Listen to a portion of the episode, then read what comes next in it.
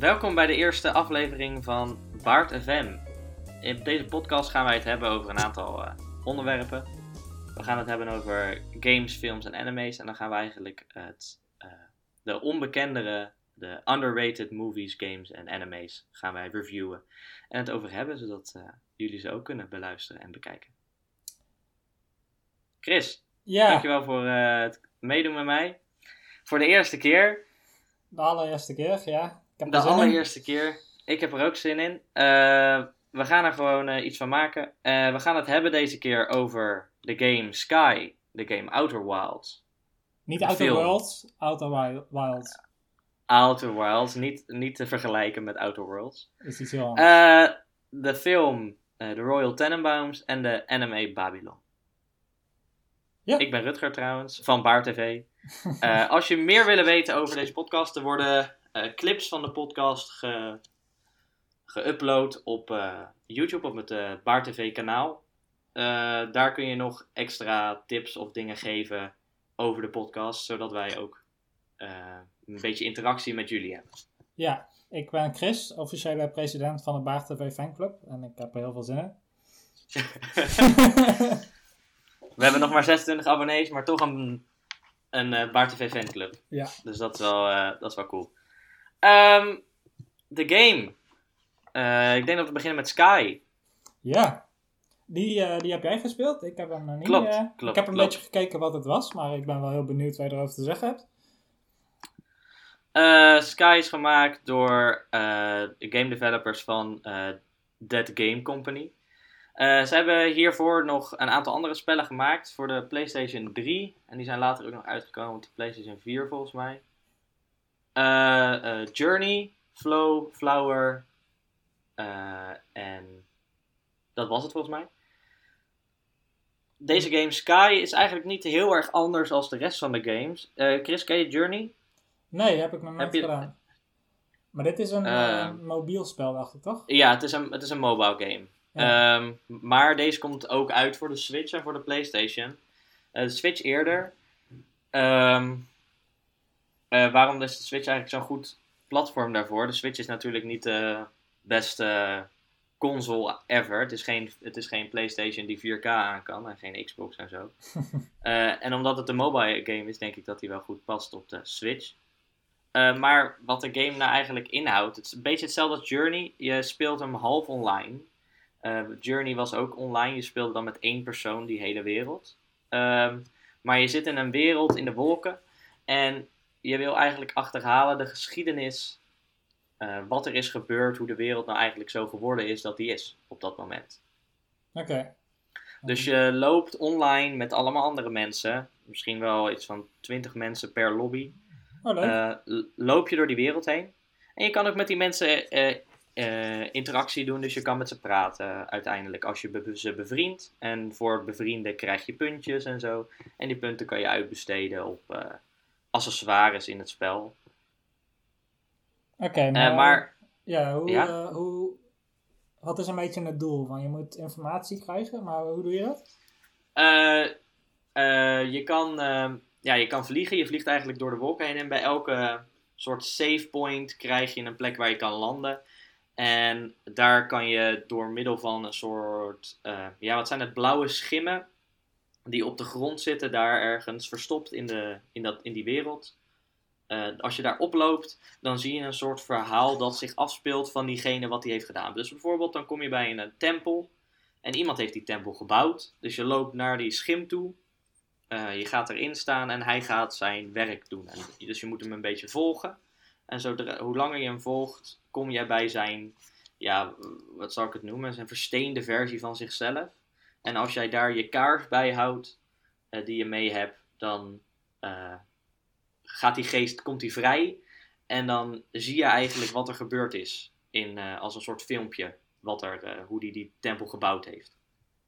Oké, Of een, we moesten bijvoorbeeld een missie die ik laatst moest spelen, was, het ging over bellen. Dus een, een bel overal stond er over die wereld heen. En die, die waren een soort signalen voor een grotere tempel bovenop.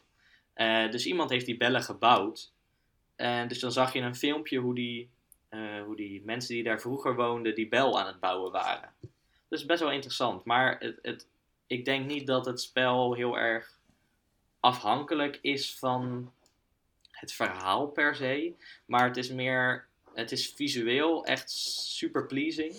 Ja, ik had eh, er ook even naar gekeken. Ik heb het zelf nog niet gedaan. Maar zeker voor een mobile game vond ik het er echt heel gaaf uitzien. Dat zou inderdaad zo ook op een console of zo uit, uit kunnen komen. Ja, Dus, precies. eh, Het- zo- zoiets moois heb ik eigenlijk nog niet eerder op mobiel gezien. nee, zeker eh, niet inderdaad. Dat vond ik heel gaaf, ja. Wat, wat wel interessant is eraan is dat de muziek. De, dat Game Company doet altijd erg veel tijd steken in de muziek van de games. Eh, en daardoor is het ehm, ook aan te raden om het spel te spelen met koptelefoon. In plaats van eh, gewoon eh, het van je telefoongeluid. Oké. Omdat het, het is meer een. Hè, hetzelfde als Journey. Het is meer een. je speelt een. Ja, hoe zeg je dat? Het is een. Het is een. Het is, een, het is niet visueel alleen belangrijk om ernaar te luisteren, maar het is ook om goed eh, eh, visueel naar te kijken, maar het is ook eh, om goed naar te luisteren. Omdat de muziek speelt in op het verhaal. Dus door te luisteren naar de muziek weet je ook een beetje wat er in het verhaal bedoeld wordt. Want er wordt niet gesproken in het spel. Er wordt geen woord gezegd, niks. Dus het is puur, je bent puur afhankelijk van de muziek en van wat je ziet. En in Ja. de muziek, hè, dan kan je heel veel emotie in kwijt eigenlijk. Dus eh, door, omdat, doordat ze dat zo goed combineren, die eh, visueel en eh, muzikaal, krijg je best wel een mooie symfonie van, eh, van wat je eigenlijk aan het zien bent. En daardoor wordt het verhaal eigenlijk best wel goed verteld. Ja, klinkt gaaf. Dus het eh, gaat eigenlijk meer om eh, echt een unieke ervaring die je ervan krijgt. En het is niet zozeer een Ja. spelletje dat je gewoon, Ja. als je niks te doen hebt, er, eh, ergens eh, erbij pakt. Omdat het natuurlijk gewoon op Nee, je telefoon het is, Maar- nee, het is geen Clash of Clans die eh, eventjes kijken hoe mijn dorp het doet. Nee, nee, nee. Het is eh, je moet er even de zeker niet zo'n spel. Ja, je moet er, ik, eh, ik zat gewoon, eh, ik heb er gewoon mijn koptelefoon van opgezet en eh, gewoon even stil gaan zitten op mijn kamer om dat te spelen. Het is, niet, het is echt geen spel om eh, in de trein of zo te gaan doen. Nee, dit moet je wel. Dit is wel een beleving eerder dan een, even een spelletje doen. Ja, klinkt gaaf. Je bent er heel eh, positief over, merk ik. Ja, Dus, het, eh, het, het, het, ik vind wel dat het een aantal dingen ja, mist in, eh, in die zin. Ik vind het, de manier waarop je met de mensen online interact, vind ik niet zo heel erg interessant. Omdat je, je, ja, je kan punten sparen. En die punten zijn kaarsjes. Er zijn overal ook over de wereld kaarsjes te vinden. Die kan je aansteken en daar krijg je punten voor. Oké. Eh, die punten kan je uitbesteden in eh, emotes. Dus eh, bijvoorbeeld kan je zwaaien of kan je iets van een, gaan zitten. Maar dat kan je ook uitbesteden in, ehm, in bijvoorbeeld verder kunnen vliegen in het spel. Oh, gewoon upgrades. Dus-. Ja, maar ik vind het een beetje jammer dat ze dat dan. je kan ook transactions doen in het spel. En ik snap, het is een gratis spel en die, hè, die company moet ook geld eraan verdienen. Maar ehm, wat zo mooi was aan Journey, je kan het gewoon. je- eh, het spel was 10 euro toen ik het eh, ooit gekocht heb op de PlayStation 4. Eh, je speelt hem helemaal uit en je hoeft niks te doen voor de rest. Je hebt geen interactie met een menu. Je hebt helemaal niks. En hier ben je toch grootste gedeelte ook nog bezig in menus en zo. En dat haalt je toch wel een beetje uit die wereld. Van met de muziek. En, eh, want dat gaat dan gewoon op pauze. Ja. Oké. Dus dat zijn wel dingen die erg jammer zijn, vond ik. Dat kon, kan wel beter. En ik vind het sowieso vervelend in spellen als je, eh, als je transactions moet doen om bijvoorbeeld geld te kunnen kopen in het spel. Ja, ja, Dat ja, soort dat is dingen. nooit zo leuk. Nee. En ik snap dat het alleen maar cosmetics vooral zijn die je ermee Maar- kan kopen. Er, Maar zit, er zitten geen reclames dan. Begrijp ik dat goed? nee, nee Dat, geen is, dat is wel iets heel positiefs, denk ik. Van, Dat is wel erg positief. Ik, Ja. ik- je, moet, je, moet, je moet je voorstellen, super mooi muziekje op de achtergrond, heel rustig door die wereld heen aan het vliegen. En dan hoor je opeens eh, een of andere reclame van Zalando op de, achter, op de ja, achtergrond. die, die kan je dan niet goed wegklikken omdat Nee. het kruisje niet goed staat. Precies. Dat, dat kan je dan niet echt serieus nemen, het spel, nee, denk nee, ik. nee. Dus Nee, dat eh, is. Het, ik, ik, ik kan er eigenlijk niet heel veel negatiefs over zeggen. Alleen dat vind ik jammer aan het spel. Ja, klinkt eh, heel gaaf. Ik eh, wil het wel een keer proberen. Je hebt me wel kunnen overtuigen. Nou, dat is mooi.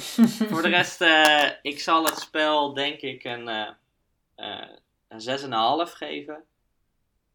Eh, nou, dat vind ik eh, ruim voldoende. en gewoon een voldoende, eigenlijk hè. Oké. Een, eh, een, een, een goede stoppelbaard. Een goede stoppelbaard. Stoppelbaard, oké. En een beetje Ja. een lange stoppelbaard, hè? Een beetje lang. Misschien even Geen uitleggen van wij eh, hier bij eh Baard FM of bij Baard TV. Wij, eh, wij vinden het leuk om onze ratings ook aan de hand van een baardje te geven. Van, je kunt wel zeggen van 7 van de 10, maar wat betekent dat nou eigenlijk? Precies. Nou, is gewoon een goede snor en sik, zou ik zeggen. Ja, ja inderdaad. Ja, goede Nee, snor. niet, een en hele volle, niet een hele volle baard, maar wel gewoon een... eh, Goede snor en een sik. ja. Dus, maar ja, het, het mist alleen een aantal dingetjes, vond ik. Dus daarom de 6,5. Oké. Het was, nou, het was niet eh, zo goed als de, als de eerdere spellen die ze hebben gemaakt. In ieder geval. Want die heb je ook gespeeld. Ja, ja, ik heb ze allemaal gespeeld. Flower, Flow en Journey. Allemaal. Nou, ik vind het wel heel gaaf klinken, moet ik zeggen. Dus, eh, Het- ik het is ook heel cool. proberen. Ja, nou, als die op de Switch uitkomt, dan is dat natuurlijk makkelijker. Want dan eh, kan je hem makkelijker downloaden. Kan je hem makkelijker spelen bij mij. Dus dat scheelt. Ja, klinkt leuk. Ik denk dat we door kunnen, toch? Naar eh Outer Wilds. Ja, Chris. dit, Outer Wilds, ja, dat, eh, die hebben we samen gespeeld. Dus daar eh, kun je hem ook wel bij eh, bijvallen. Maar eh, Outer Wilds, niet eh, verwarren met Outer Worlds. Dit is een eh, minder eh geapprecieerd spel, vind ik. Ehm, het, Zeker, is ook, zeker. het is ook een eh, independent company, komt het van. eh, Mobius Digital. Eh, ze hebben al wel eerdere spellen gemaakt, maar dit is eigenlijk het eerste spel waar ze echt een beetje mee doorbreken. Ze hebben er ook allemaal prijzen mee gewonnen met de BAFTA Awards en zo. En dat vind ik zeker terecht, want we, hebben, Ja, hem- zeker. we hebben hem samen gespeeld en ik vond hem heel, hele gave en unieke ervaring. Ehm, waar het spel eigenlijk over gaat is eh, je onderzoekt een oud ras in een oude, in een oude melkweg eigenlijk. Een oud zonnestelsel. Ehm, die eigenlijk is eh, uitgestorven. En wat je doet, is je hebt eh, steeds een dag van zo'n 20, 25 minuten. Ja, zoiets. En dan, eh, nadat dat elke keer weer gebeurd is, dan begint hij weer opnieuw. En dan alle informatie die je hebt gekregen, die bewaar je. Maar dan begint de dag dus steeds op dezelfde manier opnieuw. En wat je doet, is je hebt een ruimteschip en je gaat dus die eh, planeten verkennen om eh, te onderzoeken wat er nou eigenlijk gebeurd is. Al die jaren geleden met dat oude ras. Want eh, je volgt eigenlijk een groep wetenschappers die, die op zoek zijn naar the Eye of the Universe. En de Eye of the Universe, dat is eigenlijk een signaal wat ze hebben opgevangen wat ouder dan het universum is. Wat we natuurlijk heel interessant vinden. Ja. Ehm, en op die manier wilden ze het dus, eh, probeerden ze die te vinden. Maar voordat ze die gevonden hebben, is het ras dus uitgestorven. Dus het is nu jouw taak om toch te vinden van wat is er nou gebeurd en wat is de Eye of the Universe. Ja, ik Ehm. vind voor, vooral hè, de, de, de, het, het, eh, het concept van je, je, je stopt, de, de zon explodeert op de laatste moment, hè? Ja, dat is hoe dag. je dag tot het einde komt en dan ga je Ja. eigenlijk dood en dan begint je dag dus weer opnieuw. Ja, ik, ik vind dat wel een interessant concept, want dat, ja, ik heb dat nog niet heel veel eerder in games gezien. eh. Nee, Ik ik vond het iets heel unieks. Ik heb sowieso nog niet eerder zo'n eh, spel gezien. En, eh, Nee, ook- Ja, sorry? Oh nee hoor. eh. Nee, waar ik- ik, waar ik zei ook- nee. Oh, nee, waar ik er ook zo eh, mooi aan vind, is dat het juist sowieso dat tijdaspect, wat ik heel gaaf vind. Want Mhm. het spel zit van zichzelf al veel puzzels en sommige daarvan zijn echt gewoon een kwestie van dingen zoeken en daarmee poorten openmaken of wat dan ook. Klopt, maar ja. eigenlijk de meer interessante eh, puzzels vind ik eigenlijk juist die een beetje dat tijdelement hebben. Want bepaalde planeten die veranderen gedurende de dag. Dus eh, wanneer je meteen op het begin van de dag ergens naartoe gaat, dan ga je andere dingen vinden als wanneer je het in de laatste vijf minuten doet. Dus dat vond ik wel heel, uh, heel gaaf aspect eraan. Je hebt bijvoorbeeld ergens een planeet die vol loopt met zand. Vanuit een andere Klopt, ja. planeet. die planeet is echt crazy. En als je die zandplaneet, zeg maar, meteen vanaf het begin gaat, dan zit die nog helemaal vol.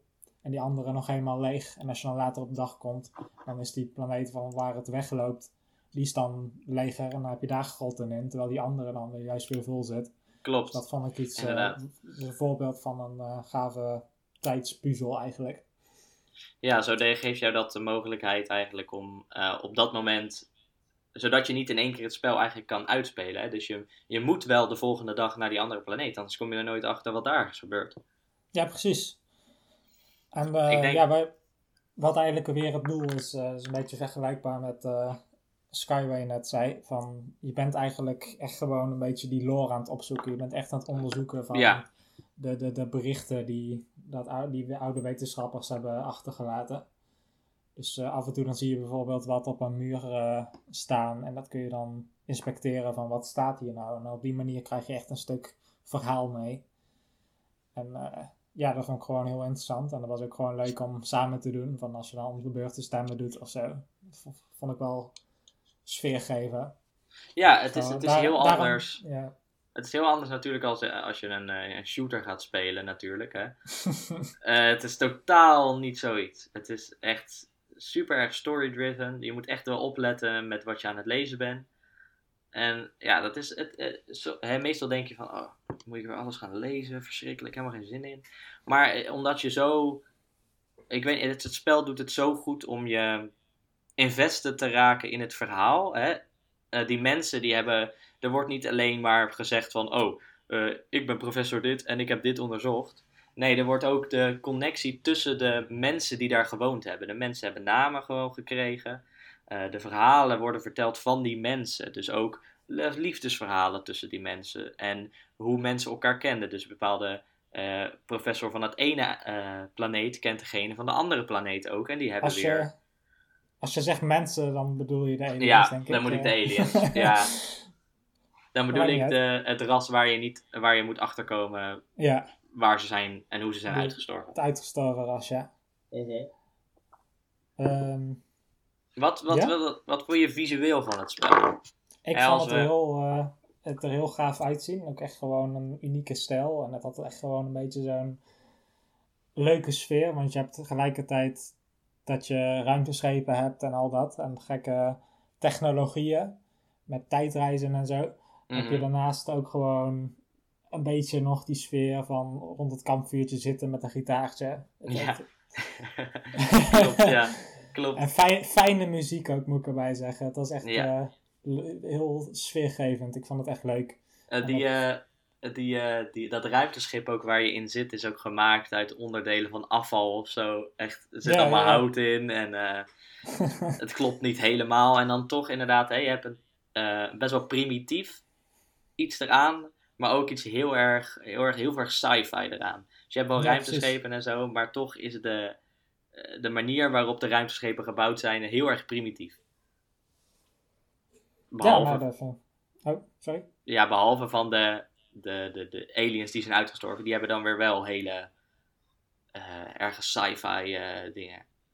Ja, precies. En daarom is het juist wel grappig eigenlijk van dat jij dan nu eh, de latere generatie bent die juist het onderzoek gaat doen wat hun niet gelukt is. En dat je dan eigenlijk ergens nog veel meer dat ouderwetse hebt. Mhm. Mhm. Klopt, klopt. Eh, jij hebt natuurlijk het, eh, het spel wel eh, meegekregen, maar ik heb uiteindelijk het spel moeten spelen om, op de Ja, controller. maar daar, ja, het- dat vond ik eigenlijk niet zo storend. Omdat het spel toch eigenlijk gewoon grotendeels over de lore en de puzzels gaat. En dat vond ik ook gewoon dat ik dan eigenlijk net zo goed mee had kunnen doen. Ja, ik denk niet dat het meer waarde had gegeven als bijvoorbeeld we het met z'n tweeën eh konden Als we het apart hadden gespeeld Ja, of zo. precies. Ik denk niet dat dat meer waarde geeft aan het spel. En, en dat Nee, het ik vond het, verhaal... juist alleen, ik vond het juist alleen maar leuk van, omdat het verhaal ook bijvoorbeeld zo diep is, dat het ook gewoon iets is van je hebt er heel veel om over na te denken. En ik vond het eigenlijk alleen maar leuk om daar ook gewoon een beetje elkaars gedachten over te horen. Een beetje theorieën van wat betekent het nou eigenlijk. Want het was Ja, op een gegeven moment echt heel, best wel diep gewoon van... Waar, wat, wat representeert dit en wat, waarom gebeurt dit nou? En, en er zit wel heel diep achter. En ik moet zeggen van, als ik er nu nog aan denk, dan, dan kom ik alsnog met nieuwe ideeën van wat het nou allemaal betekend heeft. En dat is Ja, nooit gaan- helemaal duidelijk geworden. Nee, belangrijke precies. dingen wel, maar het biedt altijd wel gewoon mogelijkheid van, er is altijd wel nog meer om over na te denken. ja, en daarom denk ik ook dat oh, hè, voor eerste spel van een ah, eerste echte spel van een game Ja. company, denk ik dat ze echt wel de lat heel hoog leggen voor zichzelf ook. Want hè, ze, Ja, nee, ze ik, willen eh, denk ik nog heel- meer games maken. Ik hoop het, ik eh, kijk ernaar uit. Ik ben heel benieuwd naar wat ze hierna willen Mhm. doen. Maar ik denk dat het wel lastig wordt om dit of even goed te doen of te overtreffen. Nee, precies. Ik eh, denk dat het misschien juist slim is om juist iets totaal anders voor iets anders te doen. Ja. Het volgende spel. mhm. Als, je, ja, als je hetzelfde concept neemt, dan eh, zal altijd die vergelijking blijven. En ik weet Ja. inderdaad niet of dat ze dat kunnen overtreffen. dat, Maar eh, dat, dat is eigenlijk alleen maar positief over dit spel. ja, maar ik, ik, denk, ik heb zeker zin in een vervolgspel van hun. Niet over wat er nu Nee, nee, gemaakt is, dit, maar... Dit verhaal moeten ze wel zo laten. Dat gaat Ja. wel gewoon goed af. Klopt. Maar ik denk dat ze zeker, eh, dat ik zeker het volgende spel wat hun gaan maken ga, ga kopen. Zeker. Er waren wel een enkel eh, minpunten waar ik heel even had opgezocht, maar daar moet ik wel echt, moest ik wel echt goed over nadenken, moet ik zeggen. Eh, er waren be- bepaalde plekken waar het echt gewoon onduidelijk was waar je nou moest doen eigenlijk. Ehm, daar Ja, kwam je eigenlijk klopt. vaak wel achter door gewoon ergens anders verder te gaan. Maar het was ook gewoon onduidelijk van waar moet je nou verder. Er wordt nergens echt een hint gegeven van Nee. oh, om hier verder te gaan moet je daar wat doen of zo. Ja, je wordt eigenlijk Dus- losgelaten in die hele wereld van zoek het maar uit, vlieg maar ergens naartoe. Bijvoorbeeld, eh, je hebt eh, ergens een planeet met, eh, met allemaal bliksem en kwallen die er doorheen vliegen eigenlijk. En, Het klinkt heel raar, maar ja, het is echt nee, zo. Dat is ook, maar ja, dat is het ook. dat, dat vond ik wel een punt wat een beetje onduidelijk was wat je nou moest doen. Maar uiteindelijk eh, zijn we daar langs gekomen. En ja, als het dan uiteindelijk lukt, dan eh, is dat alleen maar meer belonend natuurlijk. Precies. Ja. Nee, maar inderdaad, sommige dingen waren echt bijna onmogelijk om daar.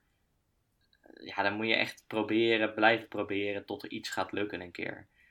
En dat kan Ja. wel een beetje een vervelend proces zijn. Ja. Ehm, ja, Misschien en iets anders wat ik nog had van Ja? wat eigenlijk een positief en een negatief is. Van, zoals ik net al zei, van je hebt ook nog wanneer het spel voorbij is en je kijkt het een keer terug of zo. Van, je hebt zoveel om over na te denken en op die manier geeft het nog wel veel nadat je, nadat je klaar bent. Mhm. Ehm, maar tegelijkertijd denk ik van als je het eenmaal mysterie hebt opgelost, dan weet ik niet of dat je nog heel veel haalt aan een tweede keer eh, het spel wil spelen. Ik, denk, ik, denk het, ik denk het eigenlijk niet, nee. Eh, nee, omdat je dan ik- ook gewoon bepaalde stukken kan skippen, gewoon omdat je de informatie al weet. Klopt. Eh, Ik denk dat het geen zin heeft om het spel opnieuw te spelen. Dus replayability heeft het echt niet. Maar dat denk ik ook niet dat Sky heeft. Of, of Journey. Ik, ik, hè, dat zijn van... Het is, het is, je maakt het mee. En dat is Het is een unieke ervaring, zeker Ja. waard. Ook Ja. wel interessant eraan is, eh, hij komt eh, begin volgende maand ergens, eh, komt hij ook op Steam. Dus Dus voor de mensen... Hij was nu alleen nog maar op Epic Games. En dat is de Ja. launcher waar eigenlijk van... waar Fortnite bekend mee is geraakt. mhm. En dus, dus voor mensen die Steam veel gebruiken voor spellen, download hem zeker. ja. Koop hem. Echt. steun de developers, want het is echt wel een topspel. Zeker. Heb je verder nog iets eh, wat ik ben vergeten of zo? Ehm, nou, ik, ik denk dat, ze, dat als je erin geïnteresseerd bent in het spel, dat je gewoon zelf moet spelen. Ik denk dat wij er niet veel meer over hoeven te zeggen. Nee, daarom. Ik eh, wil ook niks over het einde zeggen of zo. Nee, want het is we- echt gewoon Daar gaan we van- zeker niks over zeggen. Helemaal Mo- niks. mo- moet je ook niet opzoeken. Het is Nee. gewoon...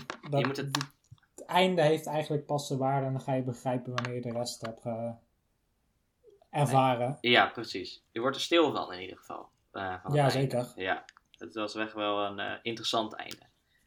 Maar wat, wat, wat geef je in het spel eigenlijk, Chris, voor eh, Ik geef hem een rating van een 9.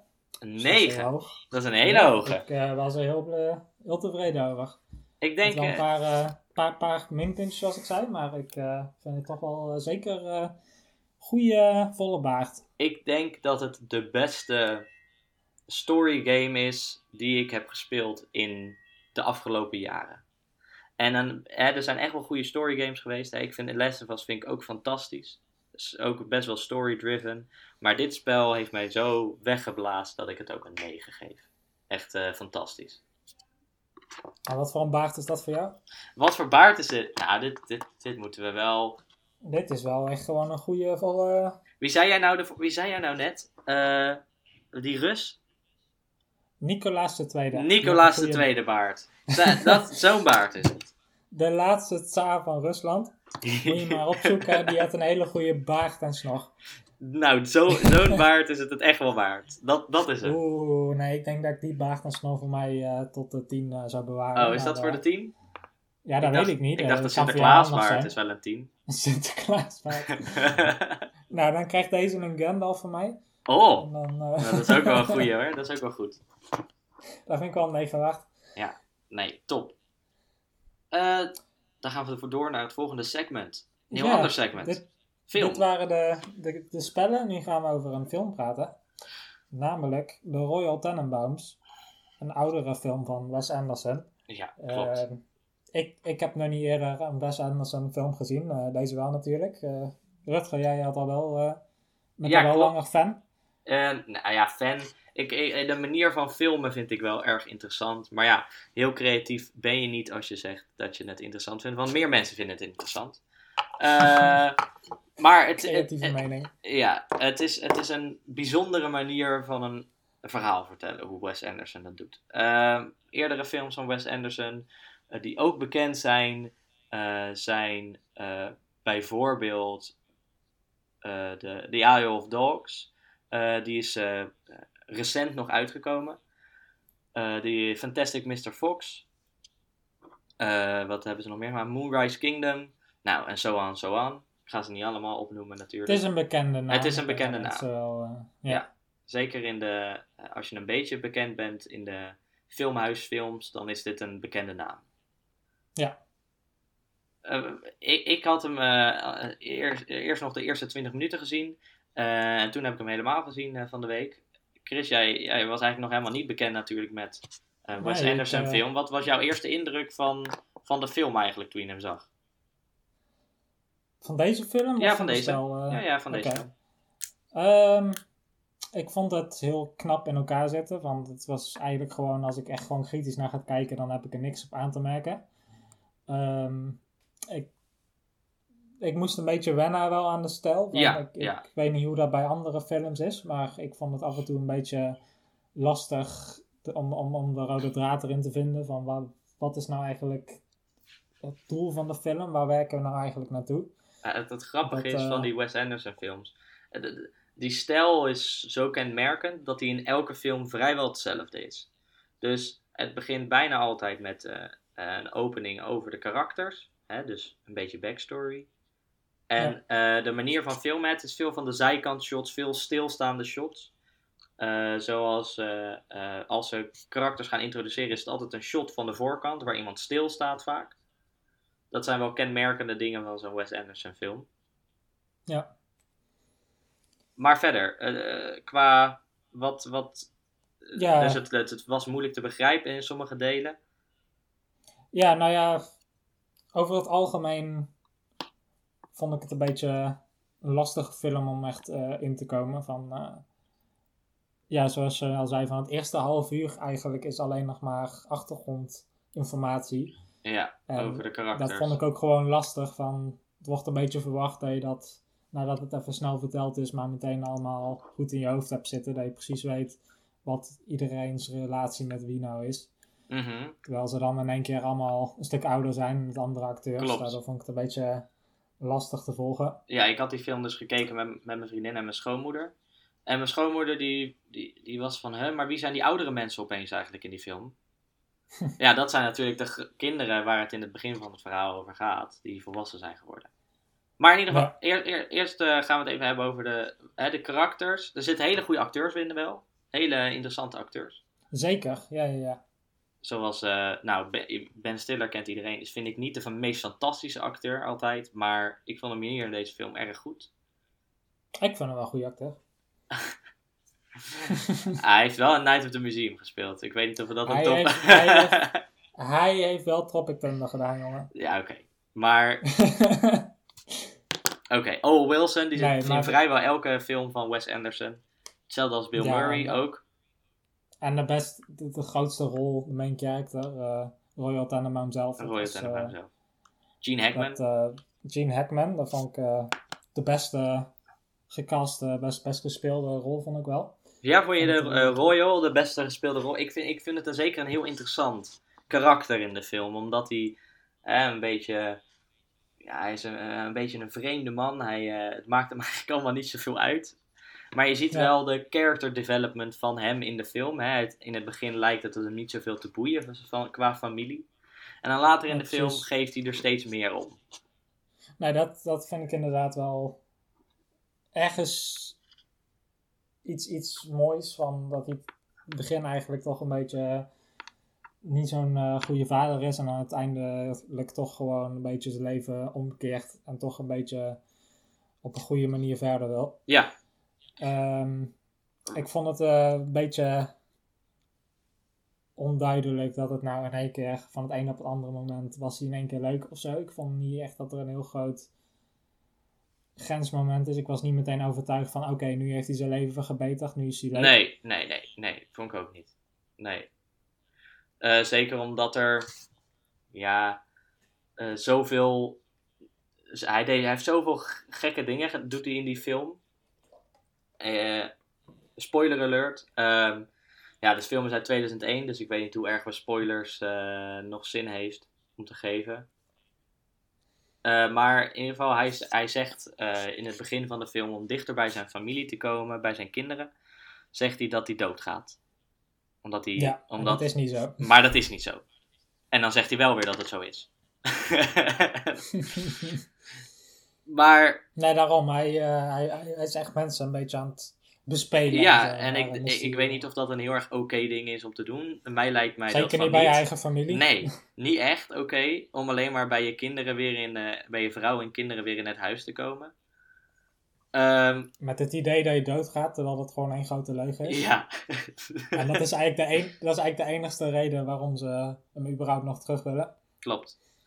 Ja, maar eh, daarom, hij, heeft, hij doet zoveel slechte dingen. En je hoort ook in die film dat hij gewoon echt geen goede vader is. Bijvoorbeeld zijn, eh, zijn dochter Margot eh, Tenenbaum, hè, die, eh, degene die... Gespeeld door Gwyneth Paltrow. Ja, ook, ook wel goeie- bekend ook een van goede actrice. Goop. Ook wel bekend van de geurkaarsen. Maar daar zullen we het nu niet over hebben. Daar gaan we het niet over hebben. we gaan het niet over de je, daar, kun je zelf, daar kun je zelf maar opzoeken als Typ je het interessant vindt. Gwyneth Paltrow geurkaars. Dan krijg je waarschijnlijk eh, een heel mooi plaatje op Google te zien. Ja. Maar zij, eh, Margot Tenenbaum, ehm, is de geadopteerde dochter van Royal Tenenbaum en Etlyn Tenenbaum, de moeder eh, van ja, de vrouw van Royal. Ja, En ehm, die Ja, Royal dat is Tenenbaum. altijd wel... Oh, ja, die, die, die dat- relatie dat, tussen. geadop- dat ze geadopteerd is, Ja. was er altijd wel gewoon bij benoemd. Het is niet alsof ze echt als een eigen kind Nee. behandeld werd. het is eigenlijk al- altijd werd het benoemd van... Oh ja, het is wel mijn dochter, maar ze is wel geadopteerd. Oh, zo mooi, die eerste scène dat dat, dat daarover gaat. Eh, dan eh, staan ze in zo'n feest, zo'n heel erg eh, duur feest met Royal. En dan zegt Royal zo van, ja, dit is mijn geadopteerde dochter. ja, precies. maar Dus eh, daarom zijn die ook niet zo heel close. nee, nee, nee, nee. Zij is een... En eh, je- ja, je merkt ook echt dat ze beschadigd ja, is als ja, zeker. persoon. Zij ze rookt al heel, sinds haar eh, is- twaalfde. En, ja, ze is heel geheim. Ze deelt heel weinig van zichzelf. Ja. Inderdaad, ze rookt, maar dat weet dus eigenlijk gewoon al... Ze, ro- ze rookt al grotendeels van haar leven, maar dat weet eigenlijk niemand in de nee, familie. ze is een secret smoker sinds 12 year old. En zelfs, eh, zel- zelfs de man, die weet het niet. Nee. maar die relatie tussen haar en de man, hè, eh, en uh, over wat we over met ban hebben, dan hebben we het over, hoe heet hij ook weer? Bill Murray. Ja, eh, die, ehm, die relatie tussen hun twee is ook niet helemaal goed. Bill Murray speelt een, eh, een psycholoog die op zoek is, hè, die zoekt naar een nieuwe eh, ziekte bij een jongen. En hij, heeft, hij steekt eigenlijk al zijn werk en zijn aandacht in die ziekte.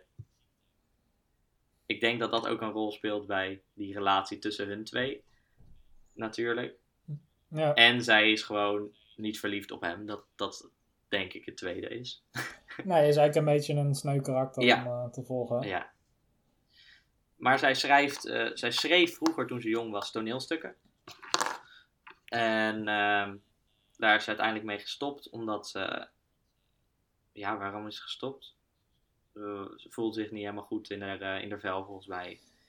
Nee, het eh, ging het ook wel iets belangrijks is, is dat ze als kind echt gewoon als genieën gezien werden. Echt gewoon zo, Ja, zoveel intelligenter dan de rest. En dat, die reputatie is eigenlijk een beetje in duigen gevallen door de jaren heen. En wanneer ze dan uiteindelijk dus ou- volwassen zijn, dan zijn het eigenlijk gewoon een beetje van die oude sterren die nu een beetje zijn eh, neergevallen. Ja. dan, precies. ja. Zoals Richie Tenenbaum, hè, de, de, de, de tennisser.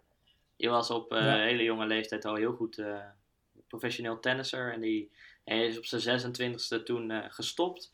Omdat hij, ja, hij was verliefd op zijn, op zijn geadopteerde zus. Eh, dus eh, op eh, Mar- Margot, ja. Margot. En die ging toen trouwen met Bill Murray. En dat vond hij dus. Ja. En toen viel zijn carrière eigenlijk in, helemaal in elkaar. Omdat hij zo verdrietig was dat zijn zus ging trouwen.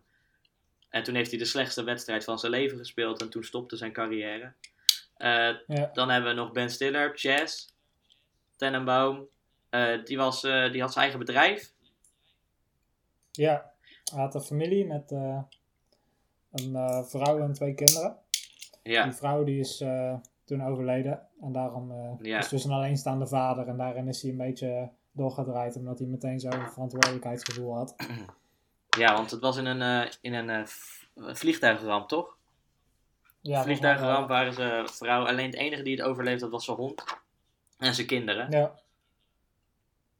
Dus dat is wel heel erg tragisch. Maar hij draait een beetje door in veiligheid op, eh, op die punten. Maar als jong persoon was hij heel erg goed in, eh, in, eh, in financieel heel erg slim. Dus hij had, hij had gebouwen op zijn naam staan op 12-jarige leeftijd. En hij had een, een bedrijf waar hij muizen maakte en zo. Ja, dat, dat zijn die eerste half uur van die film, wordt dat allemaal uitgelegd over die karakters. ja, Ehm Owen Wilson, wie speelt die? Die is Eli, Eli Cash. Dat is de Ja. overbuurjongen. En die kwam heel veel bij hun thuis, dus daarom. de, dat is de beste vriend van eh, Richie eigenlijk. Ja. Maar eh, die heeft dus eigenlijk op een gegeven moment een affaire met Margot. Ja, en daar wordt hij niet zo blij van. Eh, ja. En ja, Ally, een beetje moeilijk karakter om over te praten. Die op een gegeven moment ook helemaal gek. die is best wel verslaafd aan drugs en zo, omdat hij... hij schrijft een boek, maar hij is helemaal niet echt een schrijver. En Maar dat boek krijgt superveel publiciteit en hij wordt echt gezien als een genie. Maar het Ja. was eigenlijk een beetje per ongeluk dat dat gebeurde. Dat is niet de bedoeling in ieder geval. nee, Dus eh, hij ziet die, hij, hij, hij, hij, ja, die fame wordt hem iets te veel. En zoals de meeste eh, artiesten doen die die fame een beetje veel worden, gaan ze niet zo goed aan de drugs en zo. En dan eh, gaat het niet zo goed met ze vaak. nee, precies. Dus daar is wel een eh, goed voorbeeld van. Ik vind eh, aan het einde van de film, dan zie je ook wel echt heel duidelijk van, oké, die heeft wel echt serieuze problemen. Ja, inderdaad. In, in, het, be- in het begin dan verbergt hij het nog wel een beetje, maar aan het eind. aan het einde, aan het einde heb je echt gewoon het idee van die moet opgesloten worden of zo. Dat had ik tenminste. Ja, want als we hè, van het begin tot het einde eigenlijk even, even volgen. Die kinderen die worden in het eerste half uur worden die even beschreven. En de familieband daarin. Ehm, en dan gaan we, eh, springen we naar het heden. Dus de kinderen zijn opgegroeid. En ehm, wat er eh, aan de hand... Ja, Royal is, Royal is uit de familie. Ja, Royal is uit de familie. Maar Hij wilde nog niet scheiden, maar hij is wel zo goed als Ja. weg eigenlijk. Ze zouden gaan scheiden, maar de papieren zijn nooit getekend daarvoor. Ja. Zijn vrouw die ontmoet een nieuwe man. En dat is ook een bekende acteur. Danny Glover. Dat is ook een bekende. Die speelt de karakter eh, Henry Sherman. Ja, daar wordt eh Ethelyn Tenenbaum verliefd op. Ja. Maar natuurlijk, omdat, ze, omdat hij nog, ze is nog officieel volgens de wet getrouwd met Royal, kan ze niet, En die wil niet scheiden. en die wil niet eigenlijk. scheiden eigenlijk, kan ze niet trouwen met Danny, Danny Glover die er ten huwelijk vraagt. Ja, Ehm, Royal komt daarachter. En die denkt: Oh nee, dit lijkt mij een goed idee om hier even tussen te springen, want ik wil eigenlijk mijn vrouw helemaal niet kwijt. nee, precies. Dus wat gaat hij doen? Hij, nou, waar we het al eerder over hadden, hij zegt: Ik, eh, ik ga dood. Ik ben- Ik heb, eh, ik heb eh, wat had hij, die darmkanker, zei hij dat hij had of zo? ja, iets, iets in zijn maag of zo. Ja. in zijn darm, ik weet het niet meer precies. En Hij had ergens kanker en dan ging Ja, hij dood. precies. Maar dat was dus helemaal niet waar. zijn zoon Chad, er gebeurt zoveel in die film. Het is echt bizar. Dat vind, Nee, dat, daarom, dat vind ik het minpunt van is- deze film. Er gebeurt zoveel is- tegelijkertijd. Dat is dus wat ik straks bedoelde met van, ik vond het heel lastig om nou de rode draad te vinden. Van, ik kan zo niet in twee zinnen zeggen van waar gaat de film Nee, nou over. inderdaad. Ja, een, een gekke, een gekke familie. Het gaat over een gekke familie. Want dat, Inderdaad, die eh, hun problemen proberen. Ja, die vader probeert zijn probleem dat hij nooit bij zijn kinderen is geweest. En eigenlijk eh, echt de slechtste vader ter wereld is geweest. Probeert hij op te lossen. Maar lukt het aan het eind? Ik denk het niet. Hij, hij heeft het een beetje ja. goed gemaakt. Maar met eh met eh Cass of Chess, hoe heet die? Daar heeft hij het wel. dat is niet met, met, met Chess, ja. Met ja. Chess en zijn kinderen heeft hij het wel een beetje goed gemaakt. Maar met en Richie. Richie die was eigenlijk altijd wel Ja, een beetje... maar aan het eind was hij er volgens mij ook niet zo heel erg blij meer mee. Nou, je hebt wel dat moment dat eh samen op het dak staan en eh, dat hij even advies krijgt van zijn vader. Ja, dat vind ik wel mooi. Eh, ja, met Marco, dat is gewoon, dat is niet meer te fixen. Nee. Want, dat, voelt, dat voelt gewoon niet als een vader-dochter relatie. Nee, precies. Maar met zijn vrouw maakt hij het ook eigenlijk weer een beetje goed. Hij zegt, dat, ik heb de papieren getekend. Hier, Hij scheidt dus eh ja, uiteindelijk. uiteindelijk gaat hij scheiden. En dan, kan, dan is zij dus van hem af. En dan is het eigenlijk over voor de Tenenbaum. Voor de Royal Tenenbaum.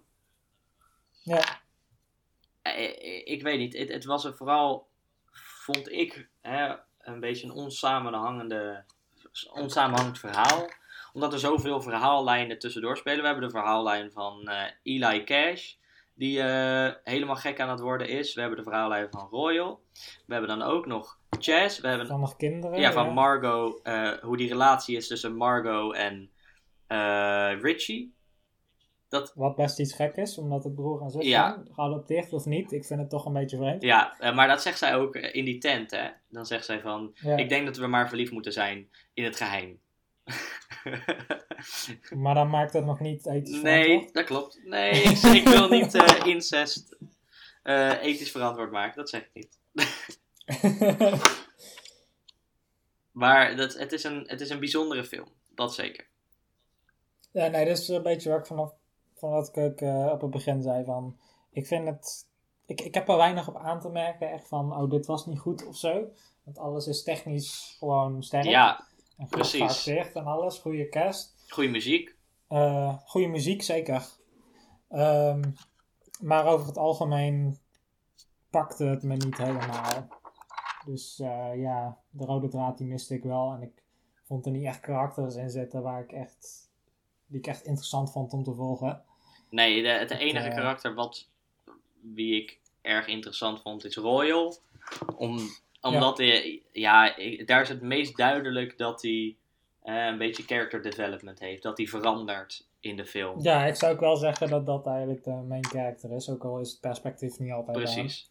Precies. Het is misschien wel leuk ook. In die film heb je de, Gypsy, eh, gypsy eh, taxis. Gyp, eh, gypsy Mhm. Capco. Dat zit in bijna alle films van eh, Wes Anderson. Dat is zo'n ding dat altijd terugkomt in zijn films. Oh, Oké. Dus hetzelfde als wat eh, Quentin Tarantino heeft. Met de sigaretten. Ja. Hoe heet dat? dat Ja, ja, ja. Apple, met, eh, eh, de, de Big Apple. Big Apple, ja, precies. Dat komt ook in, terug in heel veel films. Nou, Wes Anderson, Red Apples, zoiets. Ik weet het niet. Wes Anderson heeft dat ook, alleen dan met Gypsy Capco. Dus het is misschien leuk als je de andere films van hem kijkt om erop te letten. Want waarom, we hebben het hierover gehad, over deze film. eh leek wel ons wel interessant, want er komt een nieuwe film van Wes Anderson uit. Van, eh, Ja, daar- de- volgens mij komt, komt hij dit jaar? Volgens mij wel, hè? volgens mij wel. Dus kijken of dat, dat eh, doorgaat natuurlijk. Maar eh, Dus dat is wel eh, interessant. Ja, omdat wegens wegens corona en zo, hè, is dat wel eh, moeilijk om eh, laten uit te komen. Maar hij is, hij is volgens mij al gefilmd. Eh, de film heet eh, The French Dispatch. Eh, ja, daar ga ik niet te veel op in. Maar eh, daarom dachten we, eh, misschien relevant om hierover te hebben. Eh, dan kunnen jullie, als jullie deze film, eh, The French Dispatch, interessant vinden, dan kunnen jullie ook zeggen van, hé, hey, misschien kunnen we een andere film van Wes Anderson kijken. ja, precies. Dus eh, ik ben wel benieuwd. Ik, Ik, ik, ik wil er wel meer van Ja. zien. Ik ik, vond dit niet meteen een film die me heel veel deed. Maar het is wel gewoon genoeg geweest om me te interesseren en meer. Ik, ik, ik denk ook dat, we, dat je hier een goed beeld krijgt van hoe, de, hoe het gefilmd wordt. Maar het- ik vind deze wel een van zijn mindere. Oké. Ik denk dat, we, dat het tijd is om door te gaan. Naar, eh, Ja, wat is jouw rating? eh? ja, mijn rating. Ik vind deze ik vind het een 6. Een 6. Het was geen slechte film. Ik vind hem technisch heel goed gefilmd. Super goed geacteerd. Alleen de rode draad mist gewoon heel erg. In het grootste gedeelte. Nou, dan ben, jij, dan ben jij nog best wel kritisch, vind ik. Ik geef hem wel gewoon een goede 6,5. Eh ja, een beetje hetzelfde. Ik eh, mis het wel eh, een beetje van... Ik vond het een beetje aan het einde weg eigenlijk pas duidelijk van waar gaat de film nou over. Ja. Maar vooral die, Dus, die, die zes, omdat ik weet dat de andere films beter zijn. Vooral dat. Hè, ik vond de andere Ja. films van hem interessanter. Dus daarom, ik vind dit zijn minste, eigenlijk. Oké. Oké. Nou, wat, wat voor baard is dat? Mm, wat voor baard is dit? Een normale stoppelbaard. Eh. Een, eh, een driedaagse stoppelbaard. Ja, oké, dat kan ik Ja, toch? zijn. Niet hele lange haar. Misschien nog een klein, eh een klein, klein Een snorretje klein erbij. snorretje erbij. Ja, die had je al van de vorige Ja. keren. Die zat er nog op. Die was je vergeten eraf te scheren. Precies, ja. Zo, zo'n film is het. Da- Ja, dan gaan we naar het volgende onderwerp. De anime. De anime van deze week. Ja. Welke anime is dat, Chris? Ba Babylon. Babylon. Wauw. dat is... eh, Ja, Inter ja, ja eh, wat eh, ik vond hem, ik vond hem gaaf. Dat zou ik als Ja. zeggen. heel Het interessant. is, eh, het is een nieuwe serie. Het is eigenlijk echt zo'n eh, crime thriller. Het is echt een detective verhaal. Ehm, het is echt iets serieus. Het is niet, eh, het, is niet, het is geen grappige het is niet een fantasy Nee. shonen ding of zo. Het is echt een beetje... ik, ik kreeg een beetje een gevoel alsof je een Seven of een Zodiac of een... eh Ja, inderdaad. Hè? Een beetje zo'n eh, Ja. Seven of Zodiac idee, inderdaad. Het is echt, eh, er wordt, een, wordt een, echt, een, echt een enorme crime en het moet allemaal opgelost worden tussen de mensen in. En het, ja, heel interessant. Ja, precies. En ik vond ook echt van. Het, het had me meteen vanaf het begin eigenlijk. Meteen de eerste aflevering, daar gebeurt meteen zoiets groots in. Dat ik eigenlijk meteen eh, door wilde kijken. Klopt. Nee, inderdaad. Het, eh, eh, die eerste episode, het grijpt je echt direct. Ja. En En dan zeker na het einde van de eerste Ja. aflevering. Kan ik, ik wil niet meteen zeggen wat er gebeurt, maar. het, er gebeurt iets spannends waardoor je zeker door wil kijken. Om erachter te komen wat er verder gaat gebeuren. Ja, precies. Want eh, het, gaat, het verhaal gaat in principe over eh, een groep van eh, ja, public pro- prosecutors. Wat is daar een Nederlandse naam voor?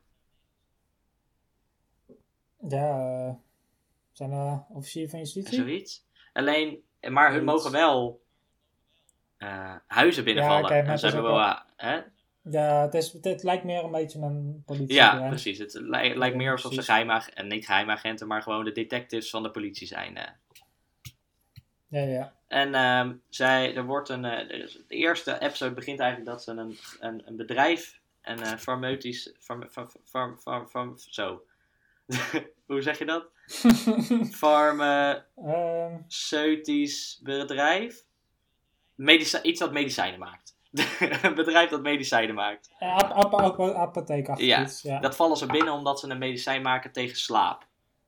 Toch voor slaap, eh, slaaptabletten. Ja, en ze, ze, ze vinden een eh, aparte vlekken op eh, een van de rapporten. Ja, en die, uiteindelijk komen, doen ze dat open. En dat, dat, dat blijken dus, die, die vlek op de hoek was een bloedvlek. En ze maken dat ding open en overal in die brief is helemaal zwart met allemaal de letter F geschreven.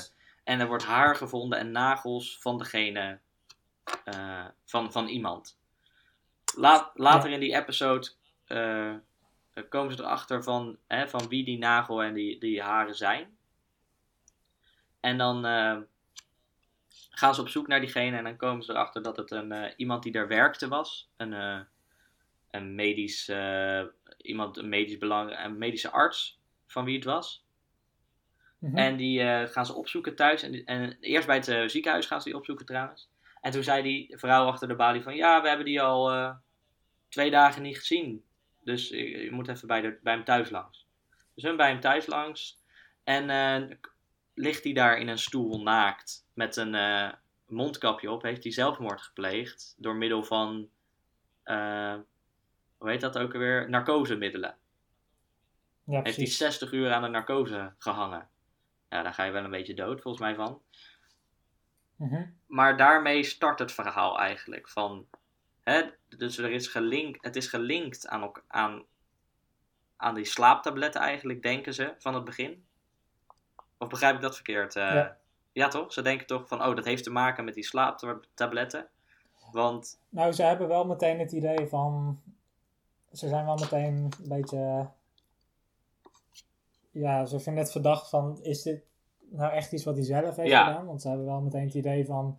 Dit, dit zou ook goed een moord kunnen zijn. ja, voor, eh, Dus omdat eh, het... daarin willen ze wel gewoon verder onderzoek doen. Ja, en nou verder onderzoek blijkt dat er alle slachtoffers die eh, zelfmoord plegen eigenlijk één ding gemeen hebben. En dat is dat ze allemaal in contact zijn geweest met een vrouw. AI, Marcase, Ja. Ehm, ja, en hier, hierdoor kunnen we denk ik het beste een beetje uitzoomen van een beetje de grote rode draad van het verhaal. Ja. Ehm, het speelt zich af in eh, Shiniki en dat is eigenlijk een fictief nieuw district van eh, Tokio. En daar eh, heb je een groep grote bedrijven die eigenlijk namens Japan en, en, voor eh, het beste van de wereld, zeggen ze, eh, willen ze daar eigenlijk een groot experiment uitvoeren. Van, ze willen in dat gebied eigenlijk gewoon wetten uittesten. Dus in plaats van dat ze bepaalde wetten op, op, op globale schaal of eh, nationale schaal moeten uitvoeren, kunnen ze daar gewoon heel even testen van oké, hoe werkt dat? Hoe, wat zijn de resultaten? Wat vinden mensen hiervan? Ehm, en daardoor eh, zijn er dus eh, verkiezingen en dan eh, heb je dus een jonge man die dan uiteindelijk wint. Dat is Itsuki Kaika. Kaika, ik weet het niet. Kaika, ja, zoiets. Ehm, die wint dan uiteindelijk. En die, die gaat dan dus een beetje vreemde wetten in één keer goed eh, vinden. Ja, zoals de, de euthanasiewet eh, ging het over. eh, Ja, nou dat valt op zich nog Dat wel is op zich nog wel normaal iets. dieper dan Ja. dat. Van zelfmoord wordt eigenlijk gewoon legaal. En dan lijkt het ook echt gewoon niet meer uit te maken van hoe en waar en op wat voor manier mhm. je het doet. Ehm, nou, dat zijn natuurlijk voor heel veel mensen is dat niet helemaal verantwoord. En daarom eh, hij, hij verdwijnt eigenlijk echt gewoon van ze kunnen hem niet vinden. Dus eh, een groot eh, deel van het verhaal is ook gewoon dat, ja, dat de main characters, dat de politie het eigenlijk, dat ze hem op moeten zoeken van waar is die nou? En het is eigenlijk, ze zijn het helemaal niet mee eens. Ze vinden Nee. oké dat hij Nee, doet. helemaal niet. En uiteindelijk, hè, de, de baas van het bedrijf waar hij werkt, van Sezai Kizen, Ja, dat hebben we nog niet echt benoemd. Dat is de dat is de main character van het eh, verhaal. de, De detective, ja. inderdaad. Eh, Die Ja. baas van dat bedrijf die zegt, ja, eh, ik ga ook eh meerunnen in, het, in de wedstrijd om, om de baas te zijn van, de, van het district. Ja. Zodat dit rechtgezet kan worden, want dit, dit kan zo niet, hoe dit nu gebeurt. En wat is een beetje de rode draad van het verhaal is, is dat we in die setting dus eigenlijk die A.E. Makase hebt. En dat is de vrouw uh, waarmee dus al die slachtoffers mee in contact komen. Ja. En die, eh, die kan mensen gewoon zo overtuigen. Vaak een beetje op een seksuele manier. Ehm, en dan... Het is een beetje onduidelijk in ieder geval naar de eerste vijf afleveringen. Ja, maar die laat... Die, die, die, die, die zorgt ervoor dat de mensen zelfmoord willen plegen daarna. Dus eh, ja wat, ik, wat die, voor eh, mij nog een beetje onduidelijk is, hoe, hoe ze dat Ja. doet. Het, het lijkt erop dat hij samen met die Itsuke Kaika, de, de, de burgemeester, zeg maar, eh, dat die eh, samenwerken. Dat die ervoor zorgt dat die eh, al die mensen in één keer zelf mag willen gaan plegen en zo. En dat er zo'n grote chaos is. Maar het, Het is een beetje on- onduidelijk wat zij nou eigenlijk probeert te bereiken. het zijn...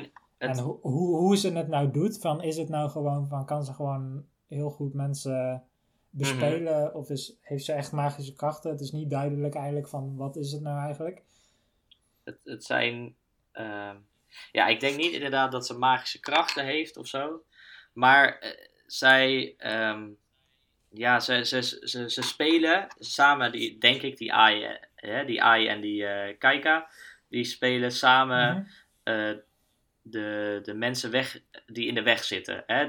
Dus we hadden de. eh eh, Sasaki Zen, die had een. een, een partner in crime, en, Fumio.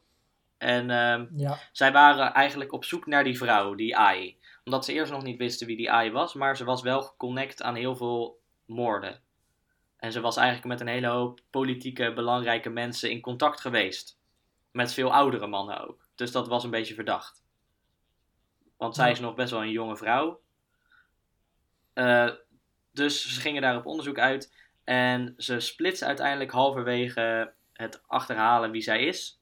Splitsen ze af. De ene volgt eh, een belangrijk politiek figuur. Eh, eh, en daarmee bedoel ik eh, Saizaki, de main character, volgt uiteindelijk het politieke figuur. En Fumio, die volgt haar. ja. En En dat loopt niet helemaal nee, goed af. dat loopt. en dat is nog licht gezegd, dat loopt niet helemaal goed af. Ehm, maar ja, dat is dus wel gewoon een, een belangrijke motivator ook gewoon voor Saizaki om... eh, Ja, inderdaad. Het, dat, is, e- dat is echt gewoon, zoals je wel vaker in dat soort verhalen ziet, zo'n detective die zich dan echt gewoon helemaal ja, geabsorbeerd wordt eigenlijk door zijn werk. Van, je krijgt wel ergens te horen dat hij ook nog een familie heeft. ja, hij heeft een zoon. Dat is eigenlijk, dat lijkt zo'n klein le- deel van zijn leven uit te maken. Van hij heeft eigenlijk alleen maar met zijn werk bezig. Ja, omdat zijn partner al twee jaar voor hem werkte en hij, ja, dat, dat raakte hem zo hard dat hij dit wil oplossen voor, hè, voor zijn, voor Fumio's doen en voor zijn doen, omdat hij dan zijn, ja, zijn, zijn pijn kan verwerken. Ja. Dus eh, ja, jij zei dat je het niet, eh, niet idee had dat er iets eh, Dat? van, van een magie of zo Nee, ik, ik denk het niet. Ik denk, Maar hoe verklaar jij het dan? Ik- het- de nou- ervaringen die mensen hebben van... Het zijn niet allemaal mensen die echt van tevoren al op het randje staan, die dan Nee, overtuigd ik- worden. Het zijn ik- ook gewoon mensen die echt gewoon nog in de piek van hun leven klopt, zitten. dat zei hij ook over die Fumio. hè. Die Fumio die ziet er de hele serie Ja. eigenlijk niet zo... die- Die had, die had nog helemaal dromen Ja. en zo van wat hij wilde gaan bereiken. Ik denk dat het te maken heeft ergens met een. eh, want ik, ik denk dat zij iedereen heeft gezoend. Of in ieder geval kon, in, in contact is mee geweest. Niet alleen maar heeft aangeraakt. Want hè, eh, de oom. Dat is een beetje een vreemd verhaal, eh, mensen. Eh de oom. eh, de, de vader van Ai. Die zei: Wil je mijn dochter. ja, een, een, een, een psychologisch rapport over schrijven of er iets aan de hand is met haar. Want, Ja, ja, want die oom die is psycholoog en die, nou, dus die vertrouwde daarmee. En het moment dat hij, eh, want er waren allemaal dingen op school gebeurd met de jongens op school. En die jongens op school die zeiden dat ze, dat ze verkracht waren door haar, maar Zon, ja, dat, zonder dat er echt iets fysiek gebeurd is. ja, zonder Zo. dat ze ze aan heeft geraakt. En dat begreep ik niet helemaal, maar eh, die, Nee, daarom, daarom vind ik het juist niet zo gek om te denken van dat het gewoon iets paranormaals is. Van, ik, ik, ik heb een beetje. Ik, ik moest een beetje denken alsof je in een Resident Evil verhaal zit. Of zo. het zou me niks verbazen als ze gewoon. Want ze is geadopteerd. Dat ze gewoon. een was ander ontsnapt of zo. Lab komt gewoon als een bio Ze is gewoon Mr. X. Dat, eh, nee, ik moest meer een beetje denken aan eh 7, weet je wel? Dat je daar eh, die Ja. Hebt. Die, oh ja, klopt. Ja, Ja, dat eigenlijk gewoon een biowapen is die eh, allemaal gekke krachten heeft. Het zou me niks Mm. verbazen als het dat is. maar want ik dacht, misschien heeft het iets te maken met als ze de mensen zoent, want die oom die heeft geen zelfmoordneigingen. Die werd, Nee, die werd is- alleen is, eh, maar. Eh, omdat, ze, omdat ze aanwezig was, werd hij eigenlijk een soort bezeten door haar. Dus, maar dan Ik wil- seksueel Ik wil wel be- even... bezeten. Ja, en toen was ze nog heel jong, dus dat is een Ja. beetje eh, vreemd. Maar ehm, dat is denk ik ook wel iets belangrijks om te benoemen, dat ze toen eigenlijk nog jong was. Eh, ik kan me ook niet herinneren dat we iets hebben gehoord van die andere schooljongens of zo, dat die iets... Dat die zelfmoord hebben willen Nee. plegen of zo. Nee, klopt. Misschien dat ze op dat, dat, misschien op dat ze op dat moment gewoon nog niet zoveel kracht had. En dat dit gewoon een beetje het beste is wat ze kan. Maar eh, daarom, ik, ik denk dat ze gewoon heel erg goed in kan spelen op mensen eh, hun gevoelens. Hè, dus dat ze haar zien als een, eh, een beetje als een sex-icon. Hè? Dus dat ze de manier hoe ze Ja. doet, eh, de manier, manier hoe ze staat, hoe ze praat, was heel belangrijk voor die oom. Hè? Dat zei die ook. Mhm. en, en ik denk dat ze, weet ik veel, iets van een pilletje of zo, iets van een medicijn. Want het gaat uiteindelijk, hè, die, het hele onderzoek is gestart door, die, door, die, door dat medicijnenbedrijf.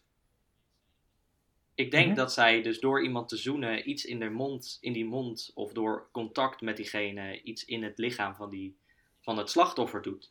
Waardoor ze dus het idee hebben van ik heb niks meer, ik, ik, ik, ik wil niet meer leven of zo. Want, en zo vermoordt zij eigenlijk de slachtoffers. Want het is heel gericht, dit. Ja, precies. Ze weet eh, goed wat ze doet. Het is niet. eh, nee, het is niet per zo, ongeluk en, of eh, zo. Het is, dit, de, de motivatie is in ieder geval na aflevering 5 nog Nee, helemaal duidelijk.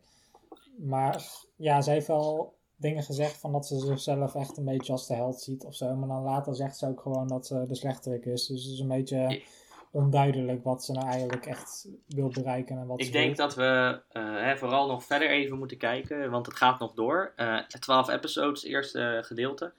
Maar jij hoorde inderdaad, jij had gelezen dat er eh, nog 12 episodes komen. Dat weet ik niet zeker. Daar heb ik iets van op internet gezien. Maar ik hoorde ook dat er ergens al na de zesde of zevende aflevering of zo al een break was geweest. Dus misschien dat het daar gewoon Ah, was. Oké. Dus eh dat, dat weet ik niet zeker. Het kan best dat het verhaal klaar is. We, zover zijn we nog Nee. niet gekeken. Eh, nee, precies. Maar ik, ik, het, heeft, het heeft zeker potentie, heel erg. Het was ik, het, waar- super gripping, het verhaal. Het is in sommige delen wel een beetje Mhm. eh, lastig te begrijpen. En dan naderhand, eh, als we dan verder zijn in de aflevering, zit je van, oh ja, dus dat bedoelen ze ermee. Maar het is Ja, niet precies. per se heel ingewikkeld om te volgen. Nee, nee, nee, dat vond ik ook niet. En ik vind het ook wel iets van. Het is ook wel weer iets om over na te denken. En want ik, ik kan best wel theorieën bedenken. Ik geloof bijvoorbeeld niet dat hij eh iets zoeken, kijken, alles echt uit vrije wil doet. Want het lijkt in één keer alsof hij zich zo om. eh, zo makkelijk in één keer naar het extreme omgaat. Terwijl hij van tevoren best. Ja, misschien heeft dit ook wel te maken met die AI, hè? Dus Ja, nou dat verwacht ik dus van. En zij heeft ook eerder tijdens het telefoongesprek van eh, ja, soms, soms werk ik samen met mensen, andere momenten ben ik helemaal alleen. Dus het lijkt me best duidelijk dat die twee samenwerken, maar ik weet niet of dat, dat helemaal uit bij eh, belang Nee. is en ook op de lange duur precies. zo zal Ik denk dat het vooral voor haar belang is. Dat hij voor haar Ja, werkt. precies. Ik vraag me af of dat hij op dit moment het uit vrije wil doet. En ik, ik, het zou me niks verbazen als hij later in een aflevering ook gewoon in één keer ergens vanaf springt Ja. Dat denk ik ook. Maar overal, Chris. Ja, ik, ik heb nog wel één ding eh, te zeggen. Ik had even opgezocht eh, van wat. eh, waar- waarom heet het nou Ja, Babylon? klopt. Waar verwijst dat nou eigenlijk naar? Geen idee. Nou, dat is eigenlijk een verwijzing naar Babylon de Grote. Of ook wel de. Ja, even mooi gezegd. De prostituee. zeg nou maar gewoon. Babylon. de hoer van Babylon. Dat is uit de Bijbel. Ja, dus eh, niet. Jij, dat jij noemt er geen hoer. De Bijbel dat is- noemt er een hoer. Even duidelijk. Nee, precies. en dat is niet iets eh, letterlijks of zo. Dat is eh, meer een beetje symbolisch voor eh, alle valse ideeën van andere religies bijvoorbeeld. Die mensen gekke ideeën geven eigenlijk wat niet is wat Jehovah wil of zo. Ehm, en daar vond ik wel, daar zie ik dan wel de symboliek in van het wordt de hoer genoemd, het is iets vrouwelijks. Nou, dat verwijst dus naar die Ja. Ayamakase, dat is best Ja. duidelijk, denk ik.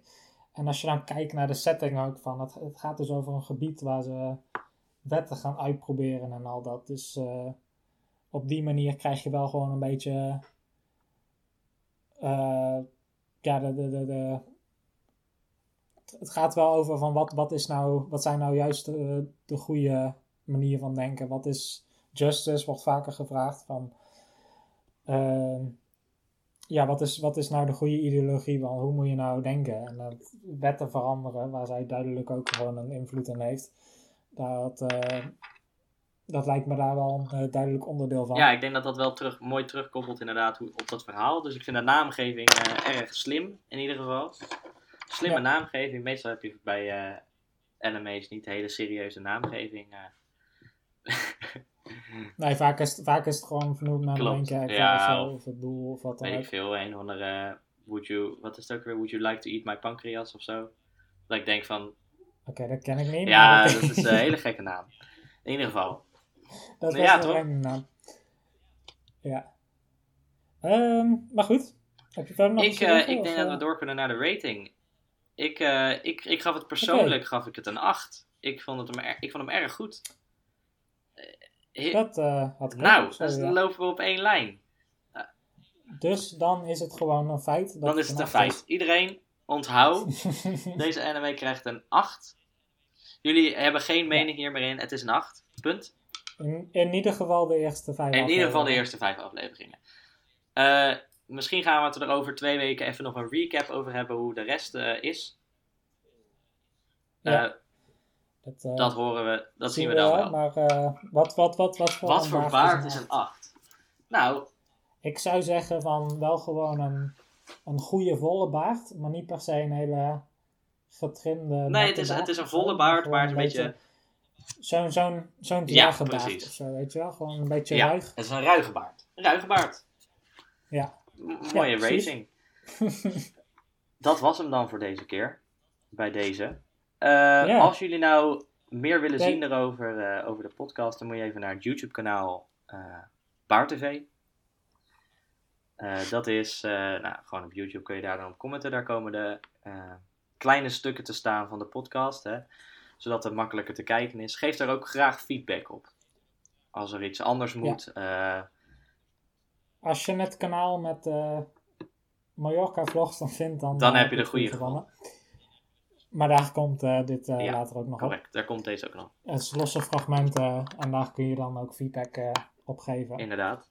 En we, we, we willen graag horen van, hebben jullie ideeën van waar we over moeten praten? Of wat vonden jullie hiervan? We staan Ja. open voor. suggestions voor films en anime's en games kan altijd.